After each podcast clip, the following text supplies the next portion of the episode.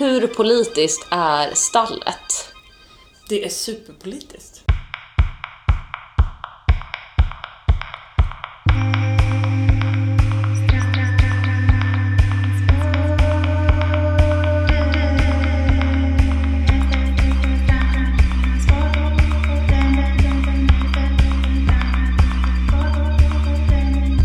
Okej, hej och välkomna till Hästtransporten.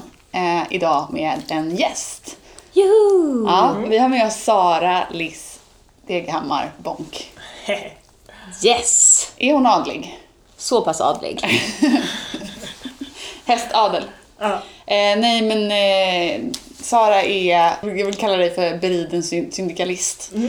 Eh, hästsportsvänstern personifierad. Och vi tänkte prata med Sara om ridning och klass och pengar och eh, inte pengar och det sociala livet kring stallet.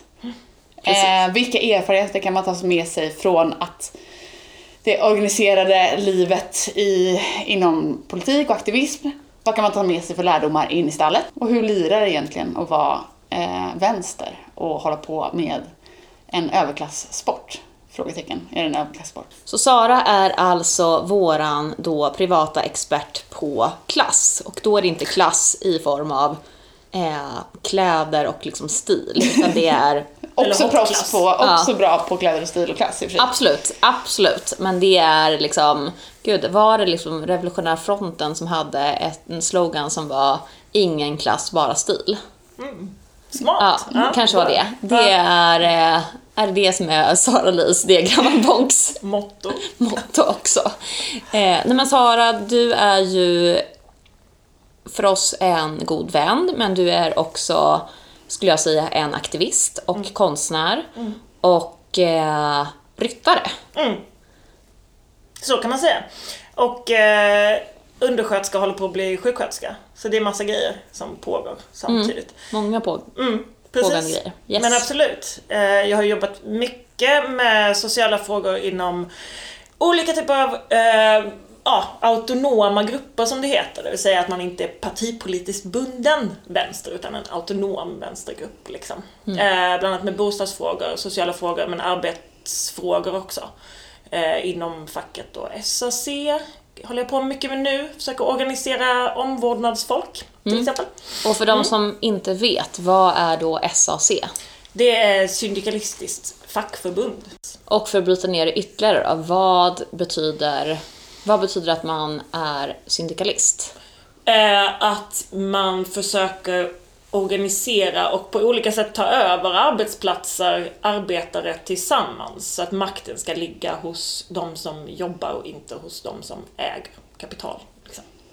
Utan att det ska man, ja, egentligen demokratisera ekonomin och arbetsplatsen. Så. Det är väldigt, väldigt grovt. Eh, och sen så är det ju jättemycket bara fackliga, liksom, olika små kamper som pågår och som fackföreningen då jobbar med. Men eh, jag jobbar inte så mycket inom just syndikalisterna. Min man gör det, som jag är gift med, Erik Bonk. Men eh, jag försöker liksom organisera tillsammans med dem kring olika typer av frågor. Bland annat stall.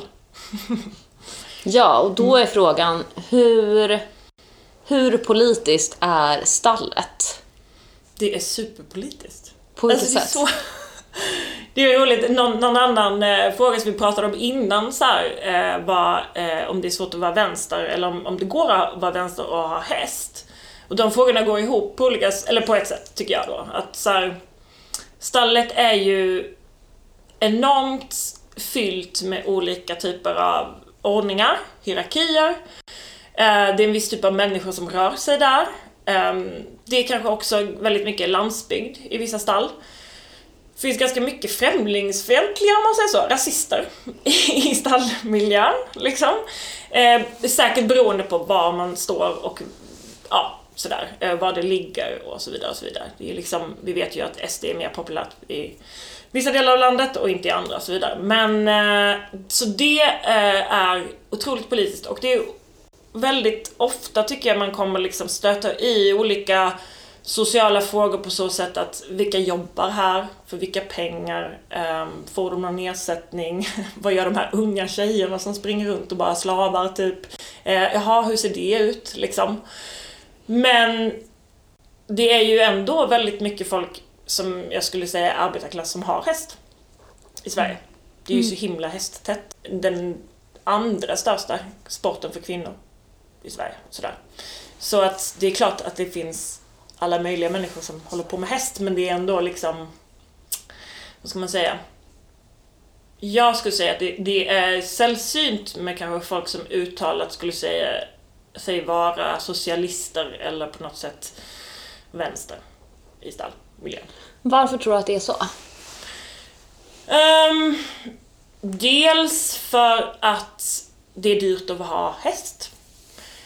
Man kanske kommer initialt från en annan bakgrund, alltså kulturellt, socialt, från sin familj liksom. Um, antingen så kanske en har mer pengar och har satsat mer på det, befunnit sig i sin bubbla. Eller så strävar en efter det. Och då är väl kanske inte socialismen det absolut bästa om alla skulle ha rätt till att ha häst till exempel. Då kanske man inte, det kanske man inte kommer förverkliga om man förverkligar en socialistisk dröm. Det är inte det första som kommer ske liksom. Det inte? Nej, tyvärr. Inte, jag, jag önskar det. Jag vill, jag vill fortsätta ha häst och gärna jättemånga hästar liksom. Men, eh, men det är inte det som kommer ske i första taget. Och, eh, och därför tror jag att det liksom tar i lite liksom att kanske kämpa för alla människors rätt till lika mycket pengar. Mm. Eller lika mycket resurser. Precis, jag behöver ju mina pengar för att Ja. kunna försörja min Gud häst. ja. Ja. Ja, men det är det. Jag tänker så här. Även om man då har häst och mycket pengar. Mm. Det måste det utesluta att man är liksom socialist. Alltså jag tänker typ så här, Mm. det, är mycket, det finns mycket pengar inom ridsporten Mm. och mycket, liksom, peng, liksom mycket folk som har mycket pengar Mm. också. Men är, betyder det att alla som liksom, inom elit ridsport då är borgare? Automatiskt borgare. Ja. Ja, det innebär det. För att jag kan inte se, alltså borgare är ju mer ett slags levnadssätt. Ja. Det är ju liksom såhär bourgeoisie typ. Men det är ju det är jag också. Men herregud. Titta på det här hemmet, litteratur överallt och vi lärde där och men jag kommer från en intellektuell familj och alltså så här, jag, jag är ju avlad fram till den här vänsterintellektuella personen. Alltså det är ju så. Eh, Och jag lever borgerligt skulle jag definitivt säga. Men menar du om alla elitryttare är eh, rika? är ju en annan fråga. Ja, säga. men jag tänker typ så här, alltså jag tänker snarare typ så att om man då, de som då har råd att Mm. hålla på med hästar, att så här, ja visst att så här, man kanske lever, eh, liksom har väldigt mycket resurser och sådana saker, Mm. men om man så här, politiskt eh, tänker att man är liksom röstar borgerligt till exempel. Ja. Alltså förstår du? Ja, om man gör det automatiskt. Då. Ja, måste det vara liksom lika med? Nej, men jag tror att just om man har ett så pass, eh, vad ska man säga, eh, pengakrävande intresse från början liksom. Så är det väl mer logiskt kanske att, och, och en kanske då också har, det vill säga alltså någon slags verksamhet. Låt säga att jag har en stor hästgård eller, eller har uppvuxen på en hästgård och eh, den verksamheten, jag måste driva ett eget företag, la la la la, jag måste bli entreprenör, eh, etc. då är det ju ganska logiskt att jag kanske då röstar på en politik som, som säger sig då, jag säger inte att de främjar egentligen det, eh, Liberalerna till exempel. Men, men de säger ju sig främja det, eh, företagandet och jada jada. Så, och då kanske jag inte heller, alltså jag menar, om man tittar på min bakgrund till exempel, jag är ju, men som jag sa, fostrad in i det. Och jag har hållit på med sociala frågor och inte häst under större delen av mitt vuxna liv. Liksom jag kommer ju tillbaka till det, en av alla återvändare som faktiskt är ett begrepp. Liksom. Det är vi ju alla egentligen här omkring. Ehm, och då tror jag att då blev det min bubbla, liksom. Att hålla på med det där. Och det var så jävla självklart. Men liksom att ha häst kunde jag inte ens tänka mig för jag fick inte plats med det i livet, liksom. Och sen när jag började rida och bara shit, det är det här. Fan, mitt muskelminne kom tillbaka. Bara, det här är ju, det här är min treat. Shit, får jag ta hand om mig själv på det här sättet? Behöver inte jag liksom, du vet, bara vara liksom aktivist ut i fingerspetsarna resten av mitt liv och bara dö av utmattning, typ. Eh, för det är ju det det gör också, om man ska hålla på med det. Så var det liksom, så öppnade ju upp den världen igen. Och nu har jag blivit lite mer kapitalist än vad jag är innan. Liksom. För jag måste ha pengar till mina hästar. Hur känns det då? Eh, Vågar du, är, kan du liksom vara i dina liksom, gamla eller vanliga sammanhang och så bara ah, jag bara köpte en häst, ah, köpte en till häst, köpte det här. Ja, men jag, alltså jag har lite Tourettes vad det gäller det. Jag måste testa de tankarna bara för att jag vill testa också vad de människorna har för fördomar kring hästeriet liksom. För det är liksom många som tror bara, ah, men det är bara, det är bara rikisar. Bara, du kan ju hålla på med det liksom. Eh, och så försöker jag, för att jag också har en bak... Alltså jag kommer inte från en fattig liksom, familj så. Den jag är också, varför jag kunde gå på ridskola var ju för att mina föräldrar jobbade och liksom hade jobb och så. Ehm, men, men jag måste testa de tankarna för då har ju folk såhär, ja ah, men shit, ehm, ah, men det är en överklassport. Eh, och sen säger man så här, ja men folk i mitt stall, om jag ska räkna upp, för jag tycker det är ganska roligt när jag flyttar till ett nytt stall och bara så här kartlägga vad alla jobbar med. Var de får sina pengar ifrån, bara för att man vill veta vilken verklighet man befinner sig i. Alltså lite så här. Eh, det är också intressant, bara hur gör man? Så här, tar man lån? Eller? alltså jag var på väg att ta några sådana också. Lån. Eh, eller hur gör man liksom? Och då visar det sig att det, det är så här, undersköterskor, ganska mycket undersköterskor. LSS, eh, folk som jobbar på LSS-boenden, eh, servitris, eh, ICA-kassörska, bla bla bla. Och då frågar jag mina då vänstermän, mina vänstermän, mina kamrater som man säger. Frågar bara, jaha men då har de rika föräldrar? Jag bara, inte nödvändigtvis. Vad det gäller amatörfolk. Men när det gäller satsande ungdomar definitivt. Liksom. Och när det gäller folk som har vunnit någonting högt liksom, i ponny till exempel. Då, jo, ofta liksom, rikare föräldrar. Sen säger ju inte det att de kan liksom klara sig ända upp till toppen för där, om man inte har sponsorer så är det ju jävligt svårt. Liksom. Mm. Du liksom, kan du få en inre kris och tänka så här, okej, uh-oh, nu har jag, håller jag på att bli en riktig kapitalist här. Eller typ så här, vad händer med mina ideal nu när jag håller på med ridsport? Alltså är det Ja, liksom, alltså Ja. blir det en motsats? Ja, Eller mot- jag har funderat på detta. Mm. Och ja, ibland så. Men jag lär mig också kommunicera bättre med människor som inte är som jag. För att jag liksom är, befinner mig i den här världen jättemycket liksom. Och det är jävligt bra. Liksom. Det är bra för organiseringen också, men jag organiserar mig väldigt, eller jag organiserar väldigt mycket mindre. Och det är jag kris för. Nu när jag har två hästar som jag skaffat liksom. Mm. Eh, Så det, det kan jag ha kris över. Men inte mina ideal. För att jag märker, jag testar mig själv där också. Jag drar igång ett projekt. Liksom. Som det här med den här organiseringen av vården. Liksom, så här. Och när jag gör det så inser jag att ja, men jag är fortfarande radikal. Jo då. det är lite löjligt. Men det är liksom, vad fan ska man göra? Det är ju en del av min person. Jag har varit så himla länge. Jag är liksom, jag är ju den personen. Så. Tills jag går in i väggen. Ja, absolut. Men kan du då gå in i stallet utan att se det som en politisk arena? Nej. Nej, det kan jag inte. Alltså, det är klart att jag kan gå in där och bara... Men jag tänker oftast, ofta på, jättemycket på pengar. Mm. Alltså vad, bara varför, varför kostar den tränaren så jävla mycket i förhållande till den? Och liksom, alltså du vet... Och bara försöka förstå bakgrunden då. Ja, nej men vad det är för typ av ideal som råder. Liksom. Varför vill alla se ut som någon så här Östermalmsfrilufsare liksom?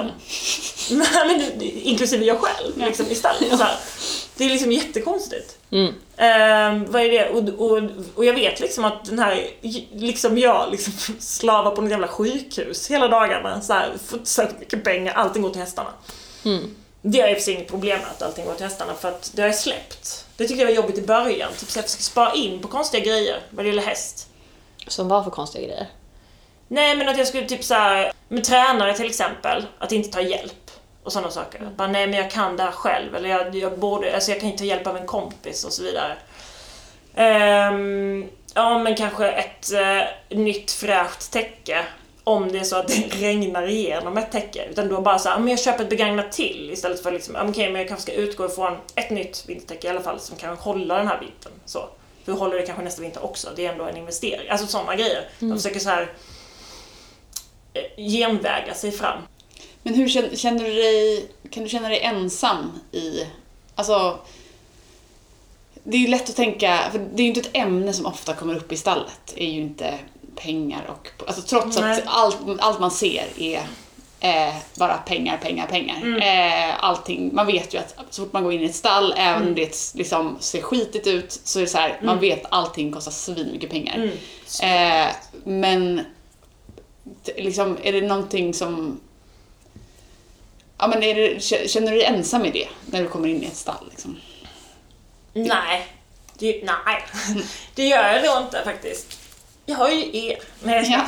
Men eh, nej, faktiskt inte. För att eh, folk är kanske lite så här att inte vill prata om det eller att man vill se mycket rikare ut än vad man kanske är då. Om det nu finns något sånt, att se rikare ut än vad man är. För det är också jättekonstigt sagt. Alltså det är så här, men, men ni förstår vad jag menar, idealen är någonting som bara det här är ju inte min klädstil typ. Alltså så här, jag går runt i den här hoodien och sen plötsligt sätter jag på mig den här konstiga tunna liksom, Piké-t-shirten. Ja precis, och bara rider i det. Och sen åker hem och sen ser jag annorlunda ut liksom. Jätteschizo. Men, ehm, men, mm, och så därför är ju folk också ganska villiga att prata om det, tycker jag. Alltså, säkert beroende på var man befinner sig, men jag befinner mig väl i stall som är så här Stockholmsbilliga i alla fall. Så det är alltid den där drömmen om att flytta någon annanstans för det är så jävla mycket billigare att ha häst vad som helst annars. Men, men Stockholms, hyfsat Stockholmsbilliga, ganska långt utanför Stockholm ändå. Så här. Och då, då knegar ju folk ihop de där pengarna och lägger all sin tid i. Så att folk är ju ganska beredda på att klaga också. Så man kan ju alltid hålla på med en diskussion om det där liksom. Hur fan får du råd? Vad, kost, vad, vad tar du för en medryttare då? Eh, så på det sättet inte ensam, men ja, alltså när det gäller att radikalisera ett stall, alltså, eller en konflikt liksom. Om man vill ta det till the next level. Eh, om det finns en konflikt till exempel. En politisk konflikt som kanske handlar om arbete. Så. Då kan man ju känna sig ganska ibland motarbetad. Ja, vi har ju försökt. Mm. Tillsammans. Ja, Mm. det gick ju, det gick ju bra eh, för gruppen Mm. i slutändan. Men det kanske inte gick så jättebra med konflikten. Nej, och det, det tänker jag att så här, när man är i hästvärlden så liksom, det är ju mycket svart arbetskraft. Mm.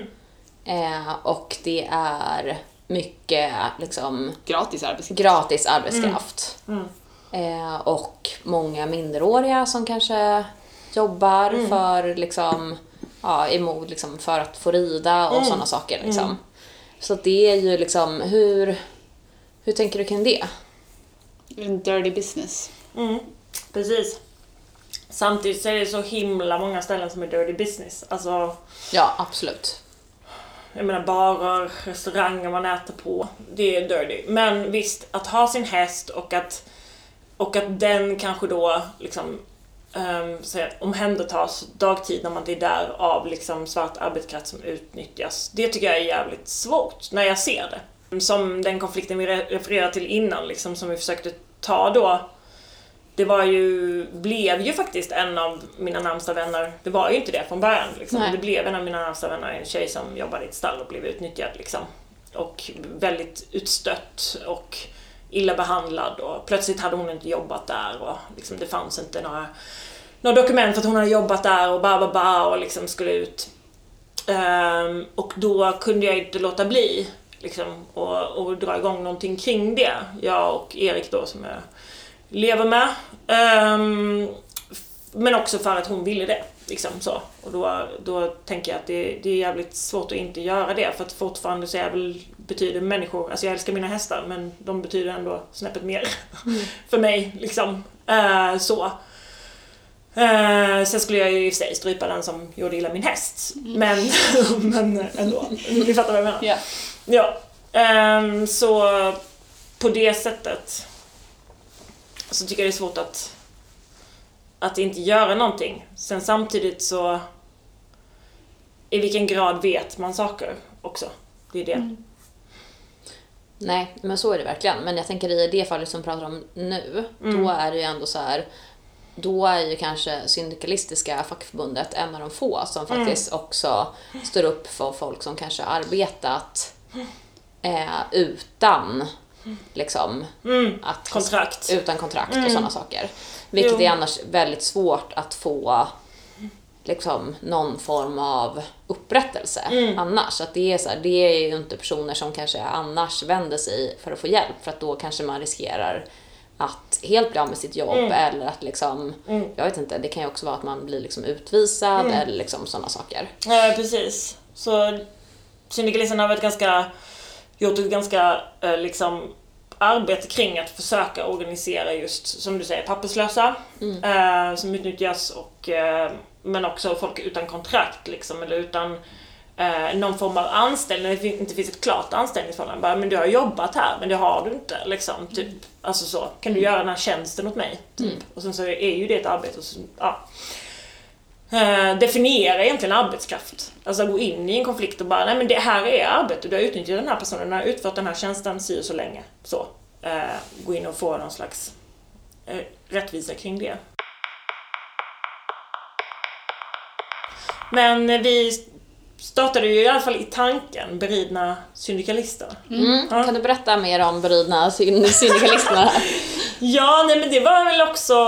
Vi har ju liksom lekt med tanken nu efter att ehm, vi organiserades kring det och i slutändan så fick ju den här personen då ehm, en... eh, hon fick en ersättning liksom efter förhandlingar och så för att de ville inte gå upp i arbetsdomstol, de som hade utnyttjat henne då. Ehm, och kring det här så eh, kollade vi också upp och eh, hade kontakt med tjejer som jobbar i andra stall. Ehm, och började skissa lite på hur man skulle kunna organisera kring det. Jag vet att Kommunal också har gjort det, tror jag.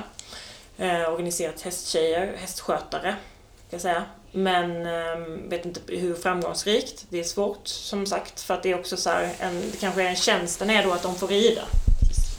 Därmed också så här, ja, är det, en, är det en fair betalning att få rida en häst för att du har lett eh, tio knattelektioner eller vad det var på vår tid typ.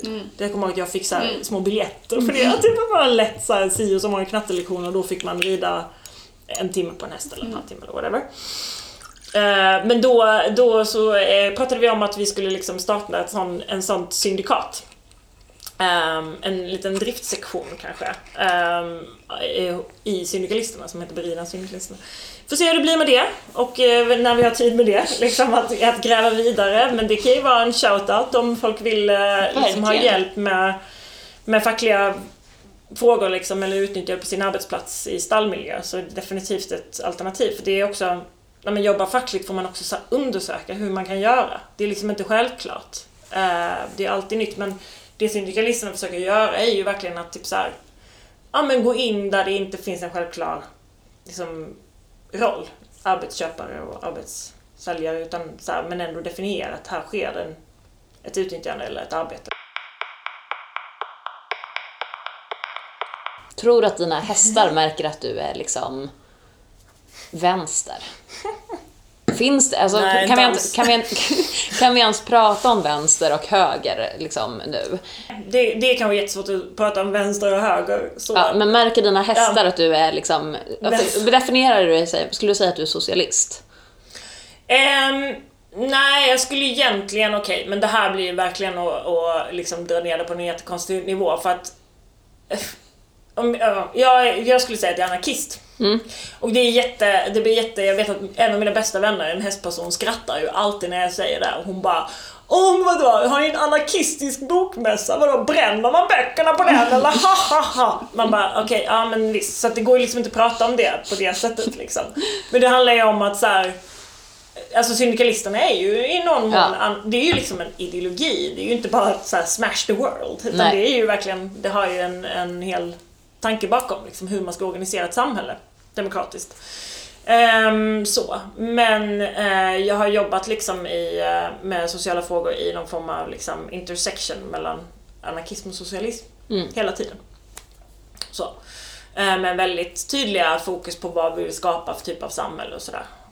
Men hästarna, de märker inte det. De märker inte att du är anarkist. Nej, de gör inte det. Varför? De undrar varför de utför allt arbete. Ja, exakt, det gör de. Och de fattar inte det här med liksom svartröda kläder. Det är ingen heller Det finns ingen så här eh, hästmodeskapare som har liksom skapat min kollektion än. Nej men det kommer komma. Det kommer komma, jag hoppas det. Jag hoppas det.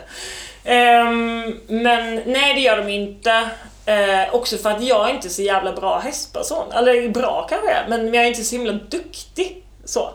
Jag har liksom ingen så här hästfilosofi eller någonting. Så. Nej men hur skulle en liksom anarkistisk ryttare rida? Tror du? Pff, nej men det skulle inte gå. Inte rida alls. Herregud, nej inte rida alls och hålla på att tramsa sig och tro att man kan prata med hästar på eh, hästens, eller på människans språk och sådana saker. Det skulle inte gå, framförallt inte med dem, eller kanske Chappe i och för sig, delvis. Men, men Chabo är ju liksom helt, alltså då skulle ju han få löpa. Min, min man försöker rida min unghäst ibland. Så Du, du kan ju berätta, du har ju två hästar. Jag har två hästar. Mm. Ehm, jag har ett uh, Rocksteady halvblod som heter Chappe, Chapel Hill. Och ehm, han är så jävla grym. Alltså vi definierade honom idag som någon slags Le- Leif GW Persson. Gud, det är helt klockrent. Eller hur? Ja, Ja. alltså.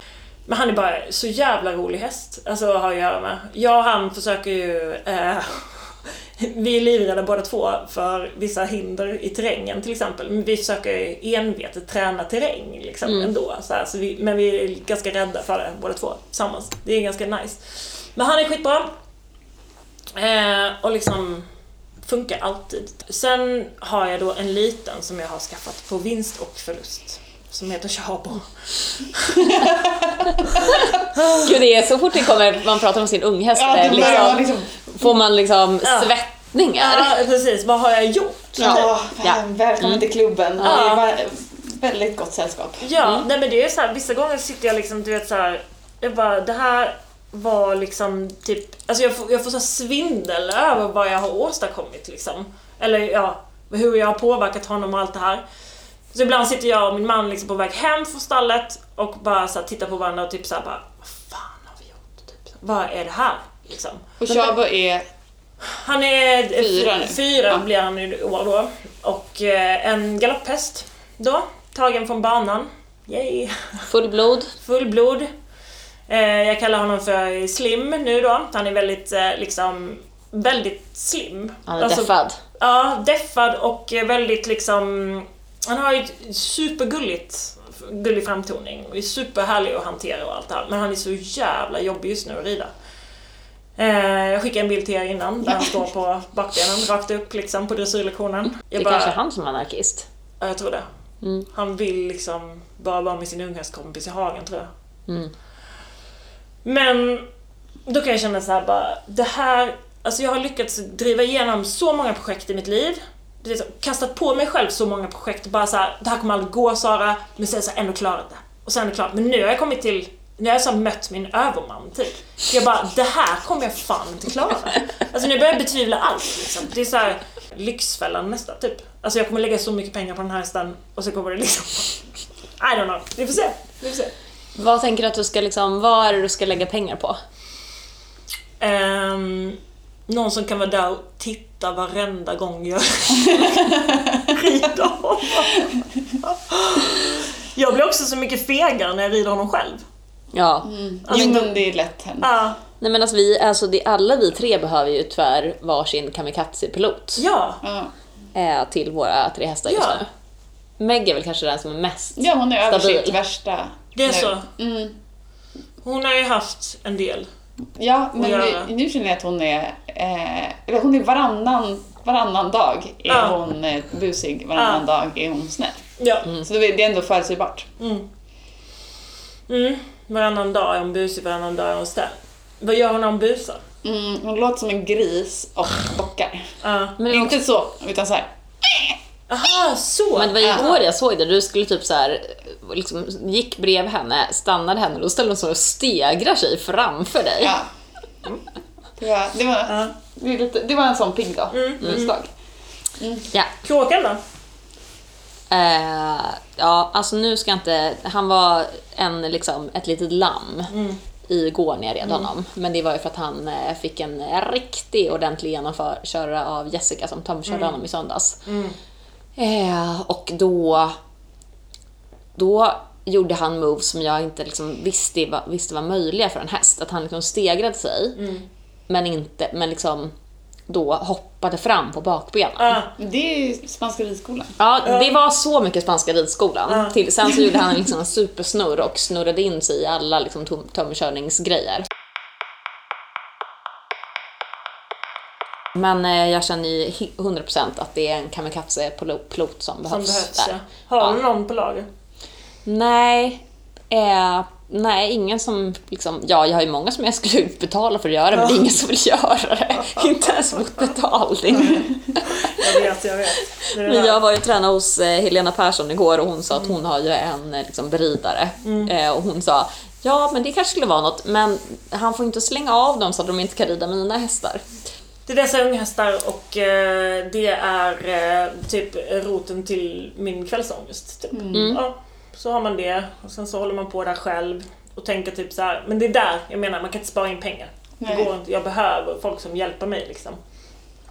Eh, och sitter upp på honom och hjälper mig in i det liksom. Och nu har jag kollat igenom allt liksom eftersom att han stannar sådär. Så veterinären har varit där, genomlyst mun och allting. Det fick kosta vad det kosta ville och sådär. Liksom, det är det, man kan inte hålla på.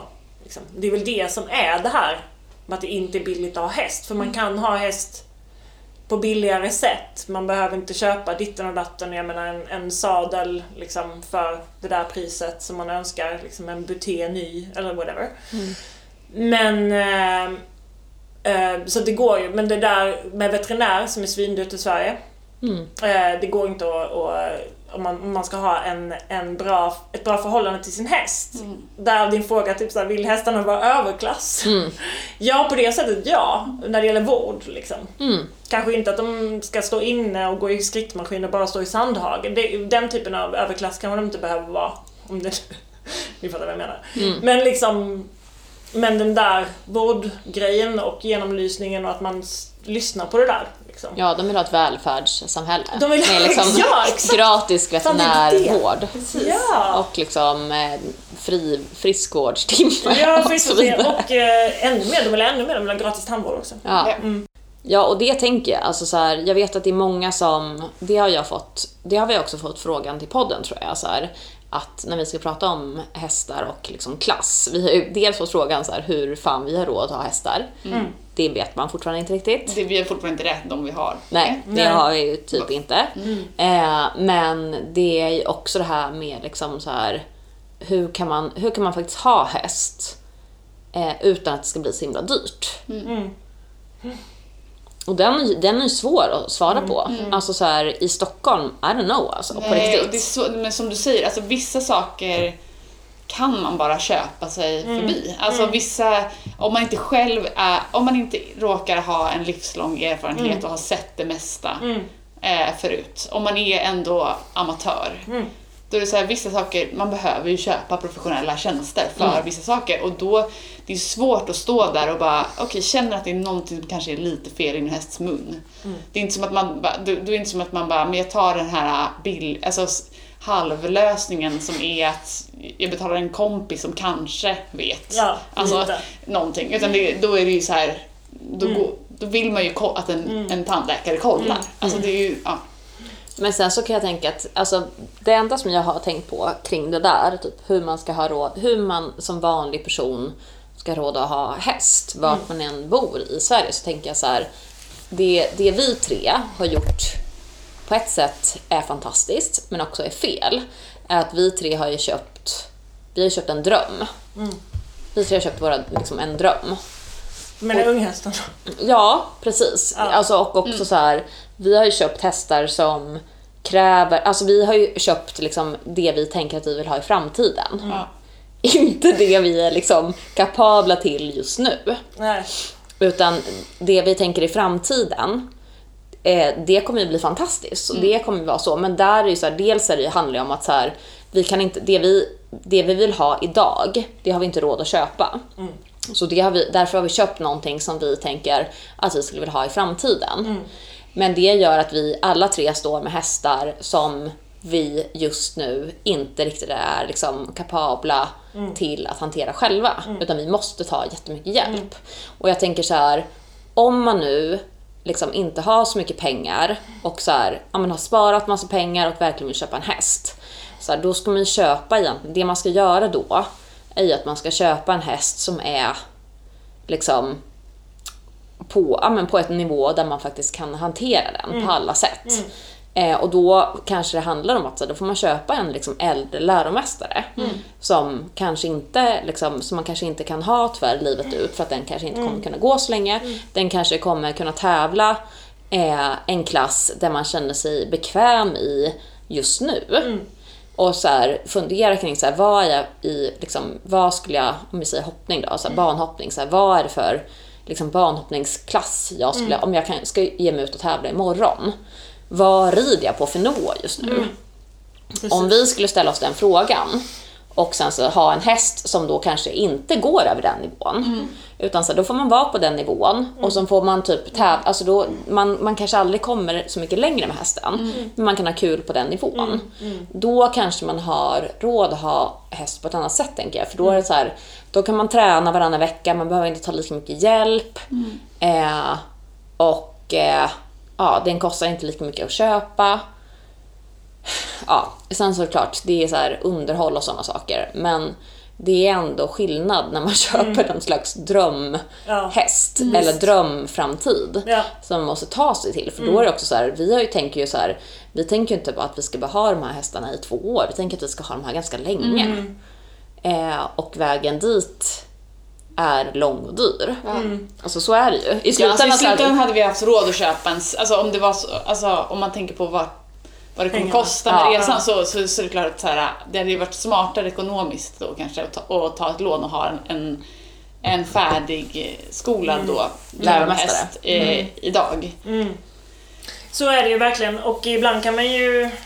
Ah, Jag har ju en läromästare också, det ska man ju säga. Jag har ju verkligen en läromästare. Och du har ju gjort ett kap om någon. Ja, här. han är ju så himla himla fin och en shout-out till, eh, till familjen Wahlund för att jag fick köpa honom så billigt. För att jag hade haft honom i två år och hon ville verkligen sälja honom till mig och eh, det hade jag råd med liksom, för det priset. Och det var så här, det har ju gjort att jag överhuvudtaget har kommit tillbaka till ridningen. Att jag fick honom.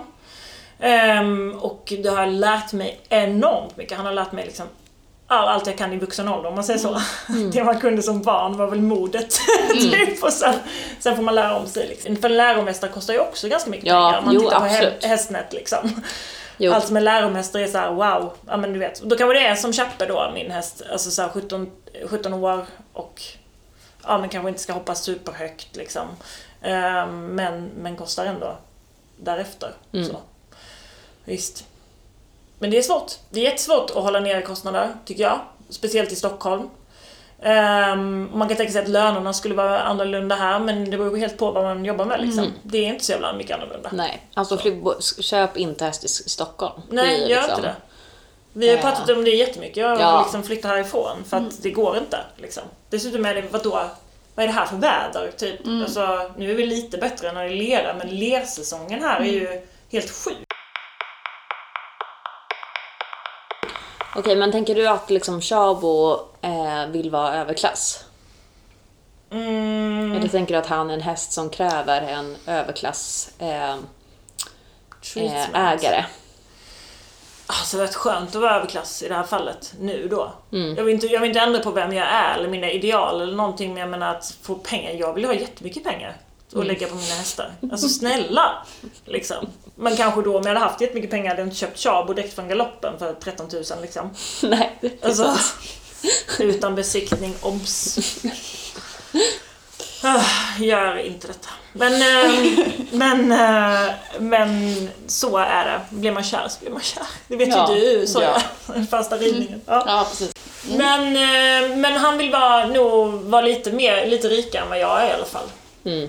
Så att han skulle kunna gå i den här skrittmaskinen om han får mugg liksom. Så att inte jag behöver släppa ut honom för att han ska kunna resa av sig lite innan jag sitter upp liksom. Sen eh, tror jag vi alla har mått bra av liksom ett så här, mer socialistiskt tänk ibland kring våra hästar. Så. Eh, att man skulle dela på dem kanske ännu mer, även om man kanske inte ska rida massa eller man kanske inte ska bli, hästar kanske inte ska bli ridna av en massa olika människor, men att man ändå när vi har haft den här sammanhållningen som vi har haft liksom, eh, så har man ju också känt sig väldigt trygg. Och när man är i stall där det finns en bra sammanhållning, vilket det ju jobbas med mycket tycker jag idag jämfört med när vi var små och man var i stall då, där det var väldigt mer konkurrenskänsla. Ehm, så känner man sig väldigt trygg och kan bli stöttad, alltså ekonomiskt i den meningen att folk kan hjälpa en med tid om man behöver jobba.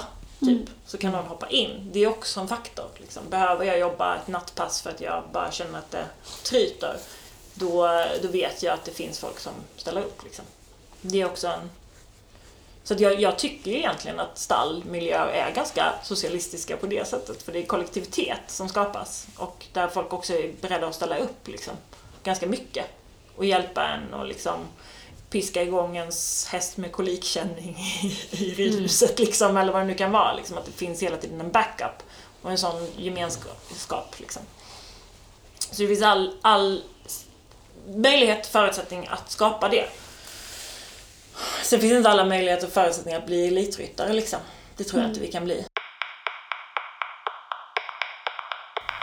Jag och eh, min vän Susie då, vi pratade ju en del om just det här vilka, alltså försökte leta upp folk inom ridsporten. Eh, då tänker man först hoppning och dressyr, liksom, som inte är överklass. Eh, eller som inte liksom har, i alla fall föräldrar som haft en hästgård eller vad det nu kan vara. Liksom. Eh, och hittade knappt någon då. Jag brukar skämta om att så Jessica Springsteen. ja, Jessica Springsteen. Precis, hon är en arbetarklasspappa. Mm. det vet man ju. Liksom, det var faktiskt någon som sa det till mig, någon kompis med bara Bruce, Bruce han är arbetarklass. Jag bara, hur, hur kan man ens... Alltså, ja. Men, eh, ja, men i alla fall. Um, men inom galoppsporten så finns det ganska många sådana. Mm. Vad kommer det sig då, tror du? Mm, ja, teorin här då i vår diskussion var väl att du behöver inte samma typ av kapital eller sponsorer och så för att komma upp dig. Utan du, eh, och att det inte baseras, alltså det baseras mer på talang än pengar. Eh, vägen upp liksom. Eh, du behöver inte ha egna hästar. Du kan ju börja som lärling hos någon och jobba sig upp den vägen liksom. Det är ofta så. Men så sker. borde det vara liksom i övrigt också då tänker jag. Mm. Det finns ju folk som har jobbat sig upp på det där sättet liksom. Men då kanske man också behöver gifta sig med den som har. Men eh, jag tänker ridsportseliten eh, hör inte detta, de som inte pratar svenska kanske. Nej. Så eh, det behöver liksom inte, men, men man kanske måste göra det för mm. att vara up and coming där, liksom, för att verkligen ha det säkrat. Men jag menar jockeys är ju också ett speciellt, du kan inte se ut hur som helst om du ska vara mm. jockey och det är liksom en... Nej det är sant, du, ja. Mm. Mm. Den genetiska talangen. Mm. Liten lätt. Ja. Hon tog också upp att en, en, hon hittade en, Eric LaMace, känner ni igen hans namn? Eh, som vann då eh, guld och Team Silver i eh, Peking 2008. Eh, då menar Susie på att han kommer från en annan. Han har ju liksom också typ så här, arbetat för att kunna rida, alltså typ alltså så här, utbyte liksom. Mm. Han åkte dit för en massa kokainskandaler och skit också. Okay. Ja. ja. Dark Horse i alla fall. Um, som då är en film baserad på verklig historia. Om filmen heter Dark Horse uh, The Incredible True Story of Dream Alliance som är den här hästen som en kvinna i södra Wales, hade, hon jobbar på en bar, uh, köper liksom ett fullblodssto och uh, avlar på det. Mm. Men också skapar ett syndikat på baren där så att alla blir delägare i det här stort då. Eh, och eh, förde fram den här Dream Alliance då som vinner ganska ja, bra liksom så. Um, men så det var ju ett exempel på, på en sån väg framåt då. Men också så gjorde Susie en del efterforskning där och eh, eh, Precis, hon hittade ju inom, inom hoppningen, hon gjorde verkligen en, en research på ja, detta. poddens researcher, eh, Susie. Definitivt, och också organiseringens researcher är Susie mm. tycker jag i många fall. Eh, men hon hade gjort då en check på, när hon hittade Eric LeMays då, Sen vet vi inte hur pass arbetarklass han var, men eh, då menar hon på att inom liksom hoppningen då, hon sket i dressyren. Så. Men eh, Ja, det, ja, den skiter Ja. vi vet inget om den ändå. Eh, men så det är inte så svårt menar hon på då att alltså, de som har tävlat ponny framgångsrik har, har rika föräldrar. Och då menar hon på att det inte är värt att gräva mer då inom liksom den kategorin. och sen om de har föräldrar också som tävlat högt så in, innefattar det också då att de kanske har rika föräldrar liksom. Att, eller att de har ägt en, liksom en hästgård. Ja, så där har hon inte liksom grävt vidare. Nej precis, utan det, hon har grävt vidare i liksom att kanske då föräldrarna eh, tidigare då, några decennier innan, när det kanske var lite lättare att slå sig in på de här, i de här klasserna. Ehm, så att det är en annan generation. De menar på att liksom, ja, men då har de redan förvärvat ett kapital eh, inför sina barn då. Eh, men sen gjorde hon också samma check på de som har vunnit derbyt, alltså galopp. Eh, och drygt hälften kommer från familjer med gal- galoppanknytning, hälften är arbetarklass. En, säger hon då, en, det är också så här, någon, någon får ju också Statistikproffset. Ja, eh, exakt. Precis. Någon får ju också liksom äh, äh, säga till om vi har fel här. Nej, Men det här är, det här är. Wikipedia. Ja, en kan räknas som överklass. Av de som vunnit där. Mm. Eh, och då skriver hon också så här, typ hälften eh, kom från typ familj med pappa eller farbror eller dylikt som är mindre amatörtränare och typ hälften från familjer som är större tränare. Typ alla har hoppat av skolan vid 13-15 års ålder för att jobba som lärling hos någon mindre tränare och jobbat sig uppåt. Några få har gått galoppskola. Galoppskola skulle jag gå.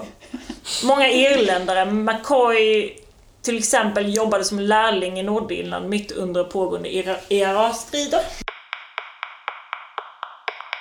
Och eh, varför tävlar där man står? Eller vad säger du?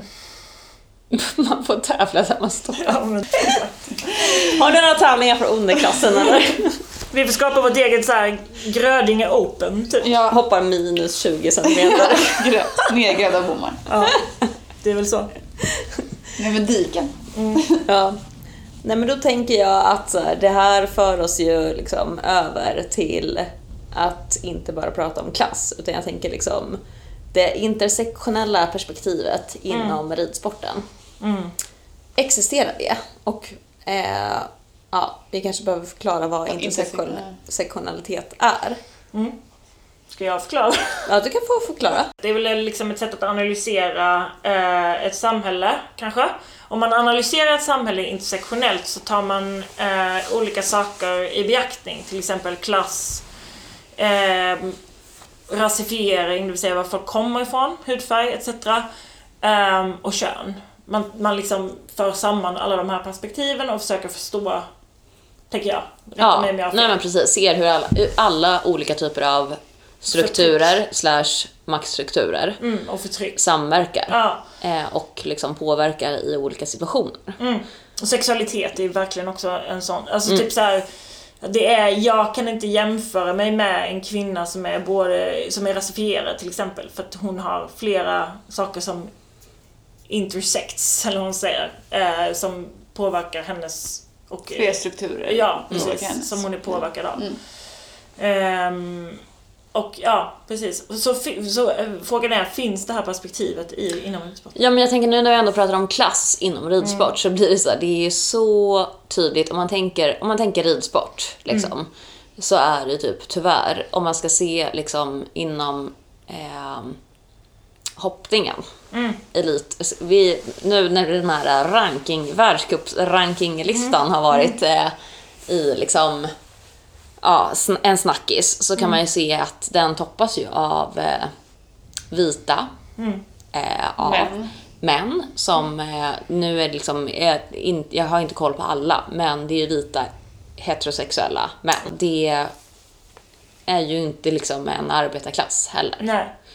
Eh, så att jag tänker att det är så här, det ridsporten generellt, liksom, är det en sport som är liksom är främja, främjar den liksom ett, en norm av liksom vit manlig heterosexualitet. Alltså det är ju typ, det är ju absolut inte så min definition av ridsporten är. Nej. Men om man ser på eliten, så här, det, det vi sitter och kollar på när vi kollar på liksom, så är det ju liksom vita heteromän som rider runt. Men när vi är i stallet en vanlig dag så är Ja. det ju kanske, alltså så är det inte riktigt så Nej, Nej, verkligen en- inte. Det är vitt. eh, ensidigt. Det Det är är vitt absolut, och det är ganska heterosexuellt skulle jag säga. Ehm, men det är, ja precis, det är ju mer kvinnor. Men det där är också, ja precis, jag, om man främjar det definitivt tycker jag på ett sätt.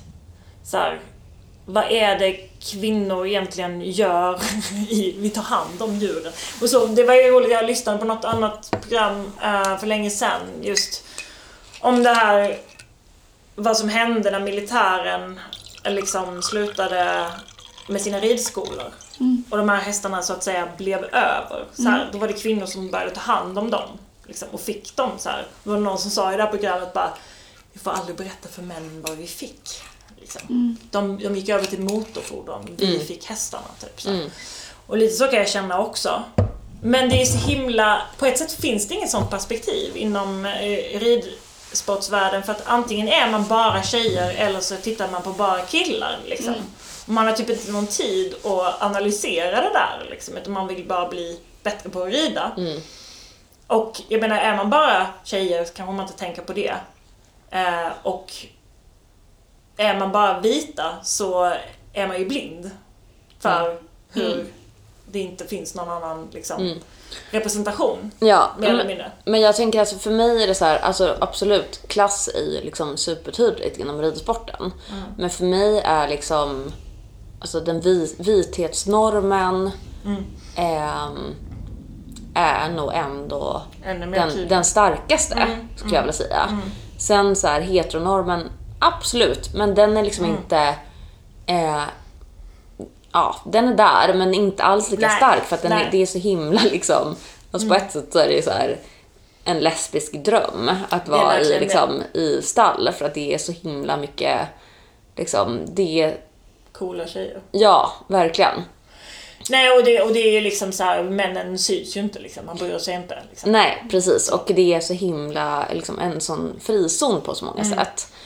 Eh, men som sagt, det är så för mig skulle jag säga att det är vithetsnormen som, som sticker ut.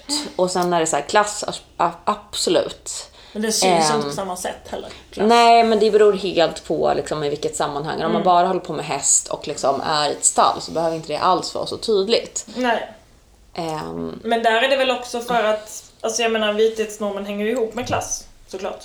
På det sättet. Att så här, ja, det är klart att det inte är liksom några bruna eller svarta människor i stallet för att det är vår arbetarunderklass liksom, eh, i Sverige. Och har man inte de pengarna eller den, blir inbjuden till den möjligheten så, så är man inte där liksom.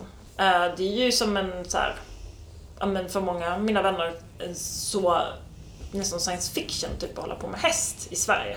Då. Sen kan det vara flera som har gjort det i andra länder liksom, där de kommer ifrån liksom, eller är uppvuxna. Men där det inte, den möjligheten, precis som att man inte kan fortsätta med sitt yrke, inte finns här liksom. Det är så jävla komplicerat tycker jag. För det är så här, jag läste en artikel igår tror jag, men, men en gammal artikel liksom om, eller några år på nacken, om en folkhögskola som hade börjat med liksom en det man kallade för dräng förut, alltså så utbildning av hästskötare, mer eller mindre. Där man har tagit in jättemycket nyanlända som ska bli hästskötare. Killar som kanske har hållit på med häst liksom, i sina hemländer. Men, men där man också skapar en armé av människor som kanske kommer synas i stall men synas på ett visst villkor då. mm.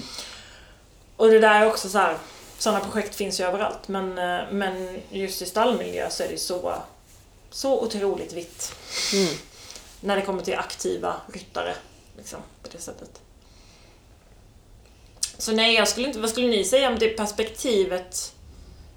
Det skrivs inte om det, det pratas inte om det. Det, jag, nej, det är totalt eh, mutat skulle jag säga. Men det finns, jag, jag tänker alltså, också apropå liksom, ideologi i stallet så finns det ju en självbild hos alla som håller på med ryttare, alla som har hästverksamheter att jag är en hårt arbetande människa. Jag jobbar för mitt, jag har slitit så hårt för det här. Jag, och det, alltså så känner ju även människor som är uppvuxna med, alltså som har fötts in i en hästgård och som alltid Ja. har haft liksom massa fina hästar. Eh, för att det- är såklart, alltså, om man håll- håller på med hästar och tränar hästar, det är klart att man inom situationstecken jobbar hårt för Ja. att det tar, oavsett hur mycket pengar du har, så tar det skitmycket tid. Även om du lägger lite mindre an- andel på att mocka. Så det, du kommer ju slita fysiskt i ett stall oavsett liksom, vilka pengar du har. Men det, men det tror jag, den liksom, ideologin och självbilden tror jag gör att det blir helt o, alltså det blir liksom det är liksom helt nedtystat med eh, perspektivet så här, jo men alltså arbete på vilka villkor arbetar du jämfört med vilka vill- villkor andra människor eh, behöver arbeta för att överhuvudtaget vara i närheten av sitt stora intresse. Eller eh, vilka Precis. tillåts inte att komma in överhuvudtaget. Ja. Men jag tror att liksom, det är som att eh, ordet arbete i, i, i ett samman, i sånt här sam- sammanhang blir, eh, det blir för onyanserat. Ja. För att Det- vi alla håller på med någon typ av arbete i ett stall, men det är inte det vi pratar om Nej. här. Alltså, Exakt.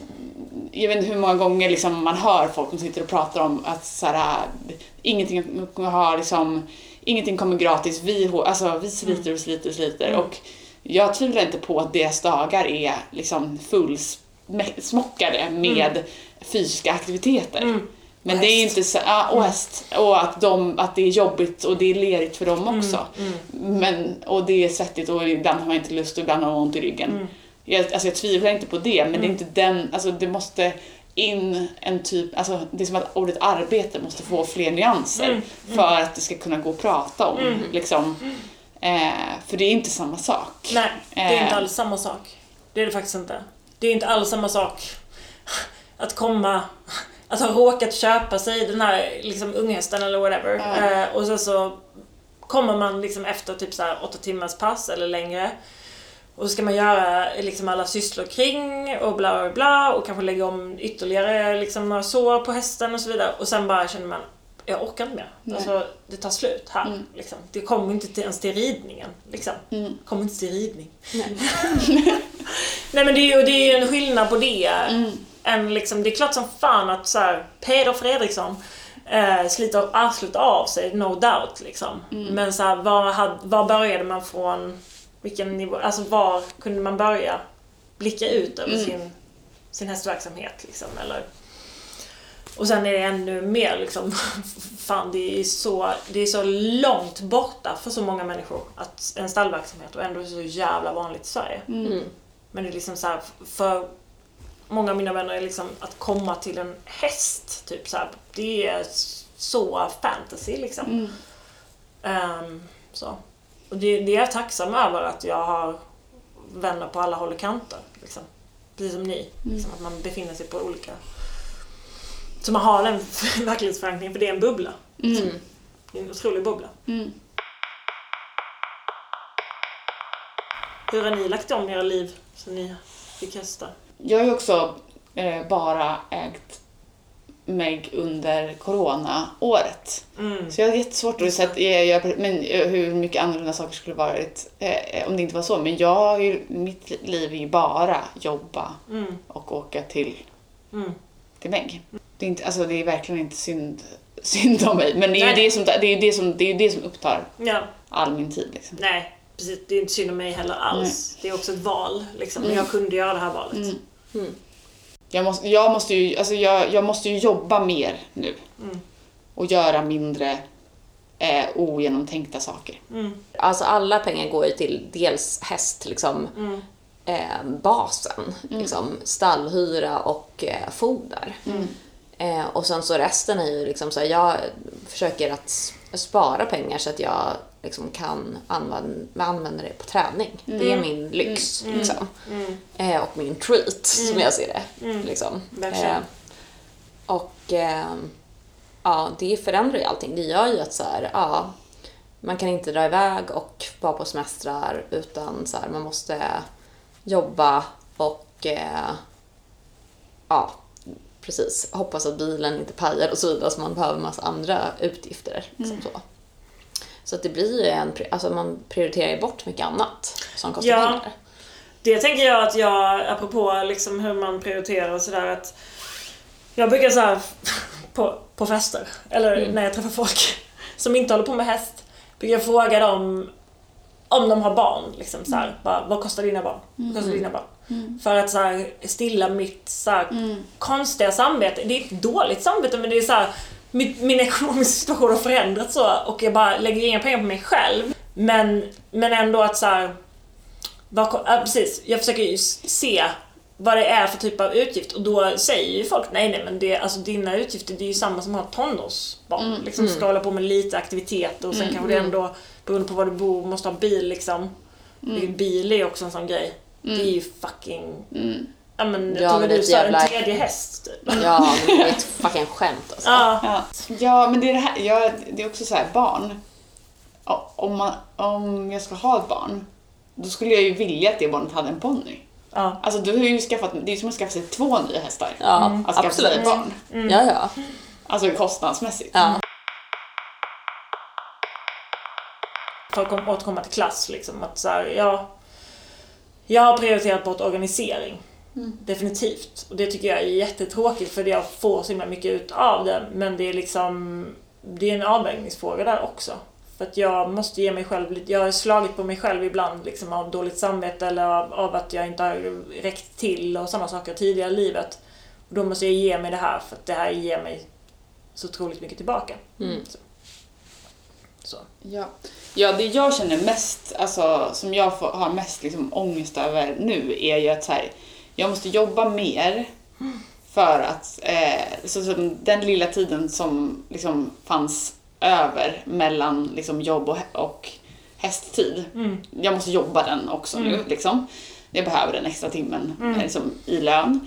Eh, och det är tid som jag kanske annars skulle ha velat, eh, alltså för, skri- för att skriva. Just Så det. typ såhär, det är väl det som för mig blir såhär, den största uppoffringen eh, i livet kanske. Att såhär, mitt, alltså typ, ja, min såhär, konstnärliga verksamhet Mm. eh, är ju den som, för jag har inte råd med, Nej. med den. Alltså jag måste liksom, när jag kan jobba en extra timme så behöver jag göra det. Liksom. Eh, och det kan ju kännas lite sorgligt. Det är, typ, det är ju också så här, drömmen om att flytta någonstans där det är billigare är ju för att köpa mig en timme till om dagen som jag faktiskt då eh, inte skulle jobba utan faktiskt skulle skriva. Liksom. Jag tycker inte att jag, jag tycker inte att jag saknar eh, någonting annat. Nej. Nej. Men just den saken kan kännas lite, det kan kännas lite jobbigt liksom. Och sen också det splittrade, liksom att man är så här, Ibland kan det kännas som att man hastar från en sak till ett annan. Liksom att jag typ så när jag är på mitt jobb på sjukhuset så är så jävla inne i det och bara tycker det är världens roligaste grej. Jag bara shit jag skulle verkligen vilja, och det här vill jag fördjupa mig i och det här vill jag fördjupa mig i och bara ta hem massa broschyrer om njurtransplantationer som jag var inne på nu. Liksom. Men det är såhär, bara, jag ska läsa det här, jag ska läsa det här och sen så bara, men jag ska först till stallet och så är det bara, åh shit och det här och varför gjorde han så? Och du måste jag läsa om på det. Vad är det här för litet sår? Nu ska jag googla det hela kvällen och sen när jag kommer hem så är det ändå bara Netflix för jag orkar inte. Nej. Alltså du vet, så man bara, åh. Ja, allt går ju ett liksom. Ja.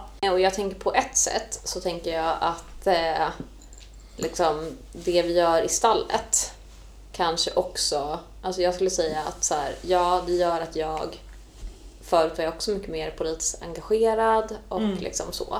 Men jag skulle säga att det ändå ger mig en annan typ av energi Mm. till att liksom orka med andra saker. Mm. Och till att så här, ja, men, deala med sociala problem i Ja. liksom, mitt jobb Ja. och liksom, sådana saker. Eh, så på ett sätt så skulle jag säga att så här, ja, ridsporten kanske inte är politisk i sig, Mm. men jag tror att det är den som kanske gör att jag typ orkar vara politisk, politiskt Mm. Ja. en- engagerad och liksom ehm, ja, men jobba mot sociala orättvisor i mitt liksom, vardagsliv. Jag Mm. Ja. Men är det då för att man får, får man, är det då att, tack vare att hästsporten då har liksom låtsats som att det inte finns eh, politik? Att, man, att det är en frizon? Nej, alltså för oss, alltså för mig skulle jag säga att, så här, att jag är ju extremt medveten om vad mina hästar kostar och att så här, det här är liksom en, ett extremt privilegium. Liksom. Eh, och jag är ja, jag vet att det är en så jävla lyx liksom, som jag håller på med. Men eh, det är snarare typ att när jag är där så gör jag min grej Och så är det inte så att jag bara ställer mig i stallet och pratar liksom politik och liksom så här ska försöka organisera stallverksamhet eller liksom... Eh, Inte varje dag i alla fall. Nej, inte, inte varje dag. Eh, och så.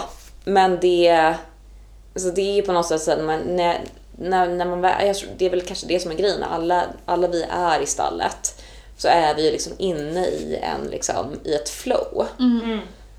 Eh, som är på något sätt liksom absolut inte är liksom politiskt liksom befriat. Men vi är inne i, i något annat som i sig är så här, ja absolut i ett liksom, det finns så mycket liksom maktstrukturer i det vi gör och liksom allt det där håller på och verkar. Men vi, vi just där är i någon slags egen liten frizon där vi liksom glider runt och har det bra och kopplar av så att vi sen kan liksom deala med resten av världen när vi är i den. Ja, men jag tänker också så här mycket med djur, alltså det är väl det som också djur typ gör, att man, vänd, alltså man vänder sig typ mot djuret. Alltså och då, då är det, det är det som är ens fokus. Och där i, alltså där finns det ju alltså en typ av politisk relation för att det finns ju en makthierarki. Eh, Ja. men jag menar, det, men inte en mänsklig makt, eh, liksom det, det, samhällsstrukturen försvinner ju någonstans i relationen mellan en, en själv och ens djur. Ja. Liksom. Eh, så på så sätt så, så öppnar det ju upp för en annan typ av alltså, tänkande och en annan typ av varande. Liksom. Ja. Ja, och Det- det är också att hästarna är liksom så här, de... De bara, vad är intersektionalitet? Vad menar du? Det spelar ingen roll Berätta inte för dem liksom. vad det betyder. För Nej, det alltså det är ingen som så här, Ja, det är inte så att kråkan frågar mig om min sexualitet och typ dömer mig Nej. efter Nej. det. Vill Eh, han vara överklass då? Ja, han vill nog vara överklass. Mm. På vilket sätt? Ehm, nej, Mer han vill, träning? han vill ha eh, riktigt eh, liksom, högklassigt foder. Ja. Eh, ja, men ändå så här, han vill absolut inte vara ute i dåligt väder. Mhm, mm. Eh, vill ha tecken som sitter perfekt så det inte skaver och så Det är vidare. så? Ja, Mm. ja. Eh, så på det sättet ja, men annars är han väldigt icke-dömande skulle jag säga. ja. Ehm, så att, gulligt. Nej men, eh, nej, men och det är ju liksom som jag kan tänka mig att många har andra, alltså det är också, det är också den biten av det, att det är ett intresse. Typ som inte, alltså förut skulle jag säga, förut innan jag började med hästeriet igen. Så tyckte jag, så gjorde jag väl mest saker tillsammans med också folk som var politiskt engagerade. Om det så var att organisera någonting eller bara hänga eller festa. Typ, eller festa men dricka öl eller whatever liksom. Det gör jag inte på samma sätt längre och det, därför blir det också en respit. Äh, res, respit? Respit? Ja. Ett andrum. Detta befläckade ord, andrum. Men skitsamma. Eh, en, ett, liksom ett, en paus från allt det andra, vilket jag tror är alltid bra. Liksom. Så att om man vill se det enkelt liksom, så är det ju så också.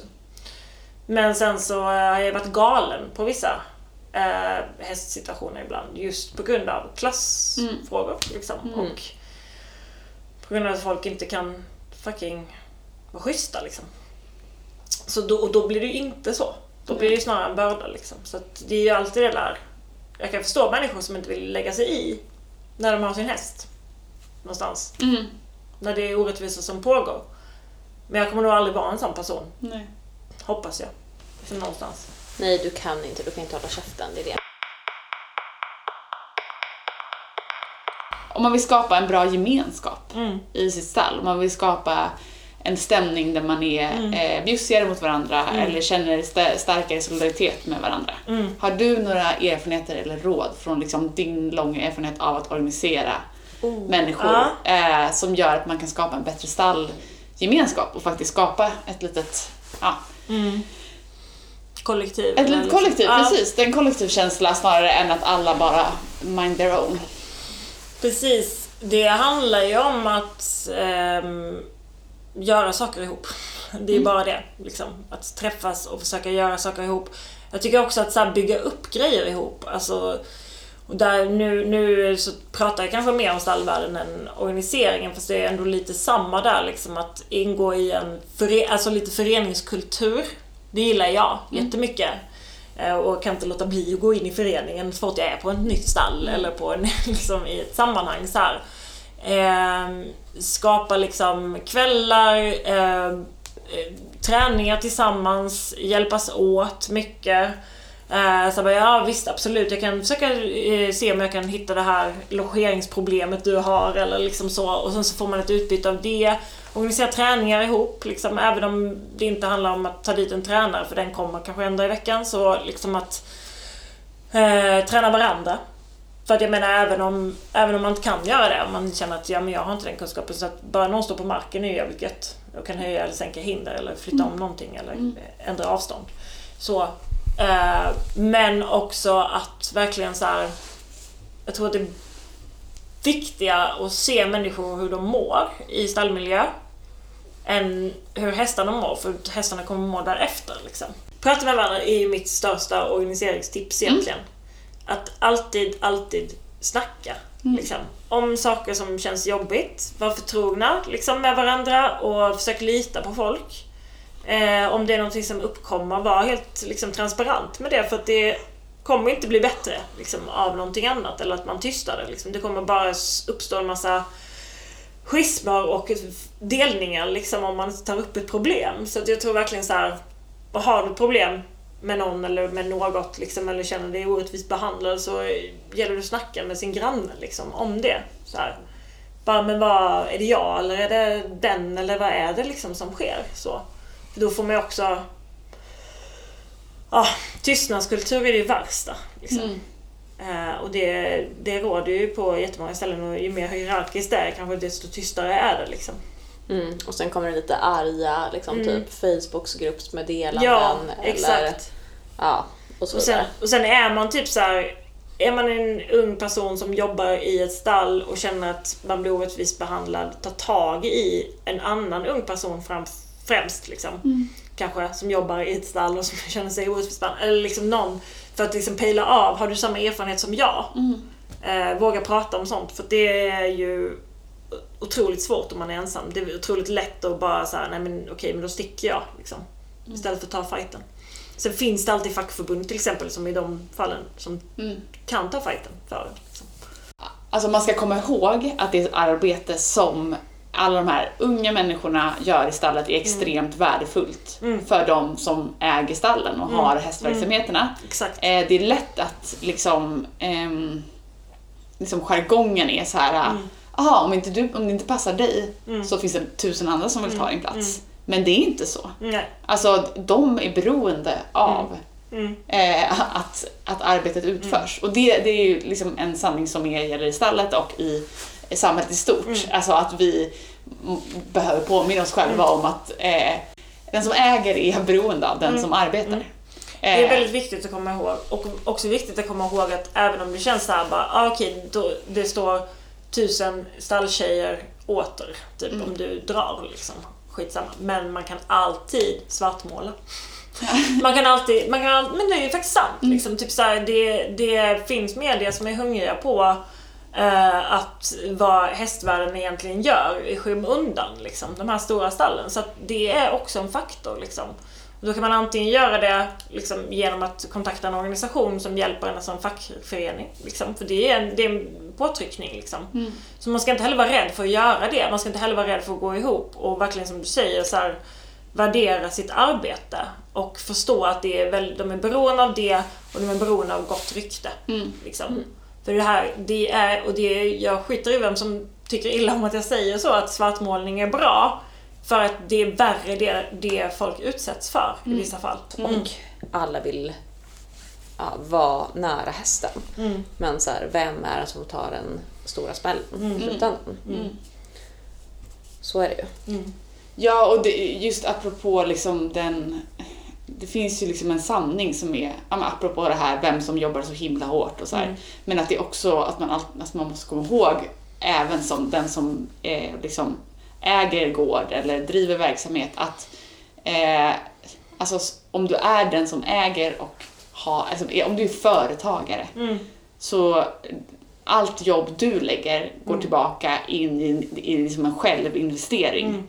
andras tid som de lägger åt dig är alltid mycket mer värdefull än den tiden som du återinvesterar i dig själv och ditt eget bolag. Och där är också såna, alltså, det är ju också liksom en sån liksom, eh, en sån falsk bild som cirkulerar i hela samhället men jättemycket i, liksom, i våran i hästvärlden. Att så här, ja men igen det här, vem arbetar hårdast? Alltså, om det går att mäta så, så måste man också sätta det i relation till vem får Ja. ut mest Ja. av det och vem får, Precis. vem, får, vem får noll återinvestering på det här. Ja, och vem, vem utför det liksom grundläggande, essentiella, nödvändiga arbetet också, tänker jag, i samhället i stort.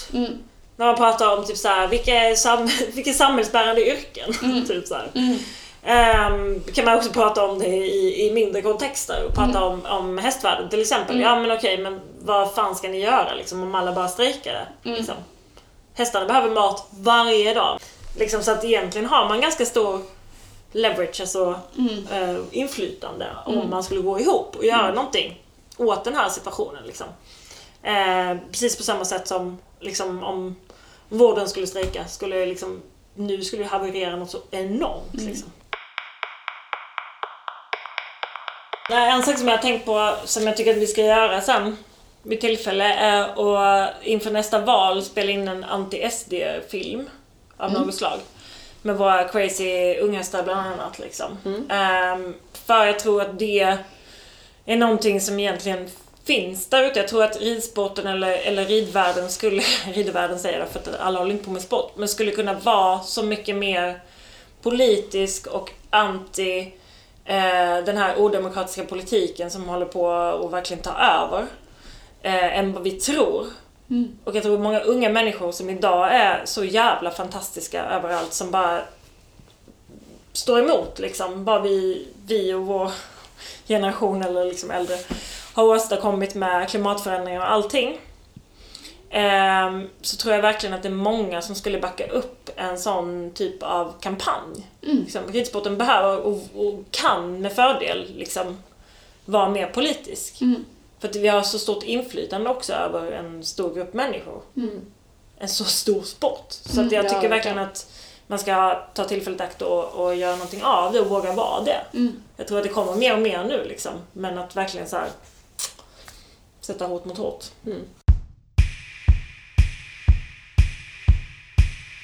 Tusen tack Ja. för att du ville komma och gästa hästtransporten. Ja men jätte, jag är ärad. Vi vill verkligen uppmuntra alla er som har eh, frågor kring en arbetssituation i stallet eller känner någon, det är någon där ute som känner sig utnyttjad på, i sitt eh, stallrelaterade arbete eh, att eh, skriva till oss till hasttransporten som vi heter på sociala medier eller direkt till Sara. Så Sara med H, Liss och sen samma sak igen.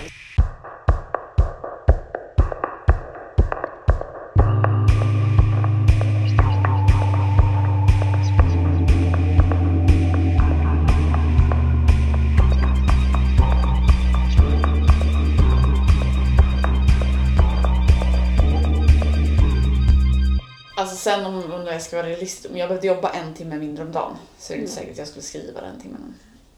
Nej, men jag skulle jag förstår vad du menar. den timmen.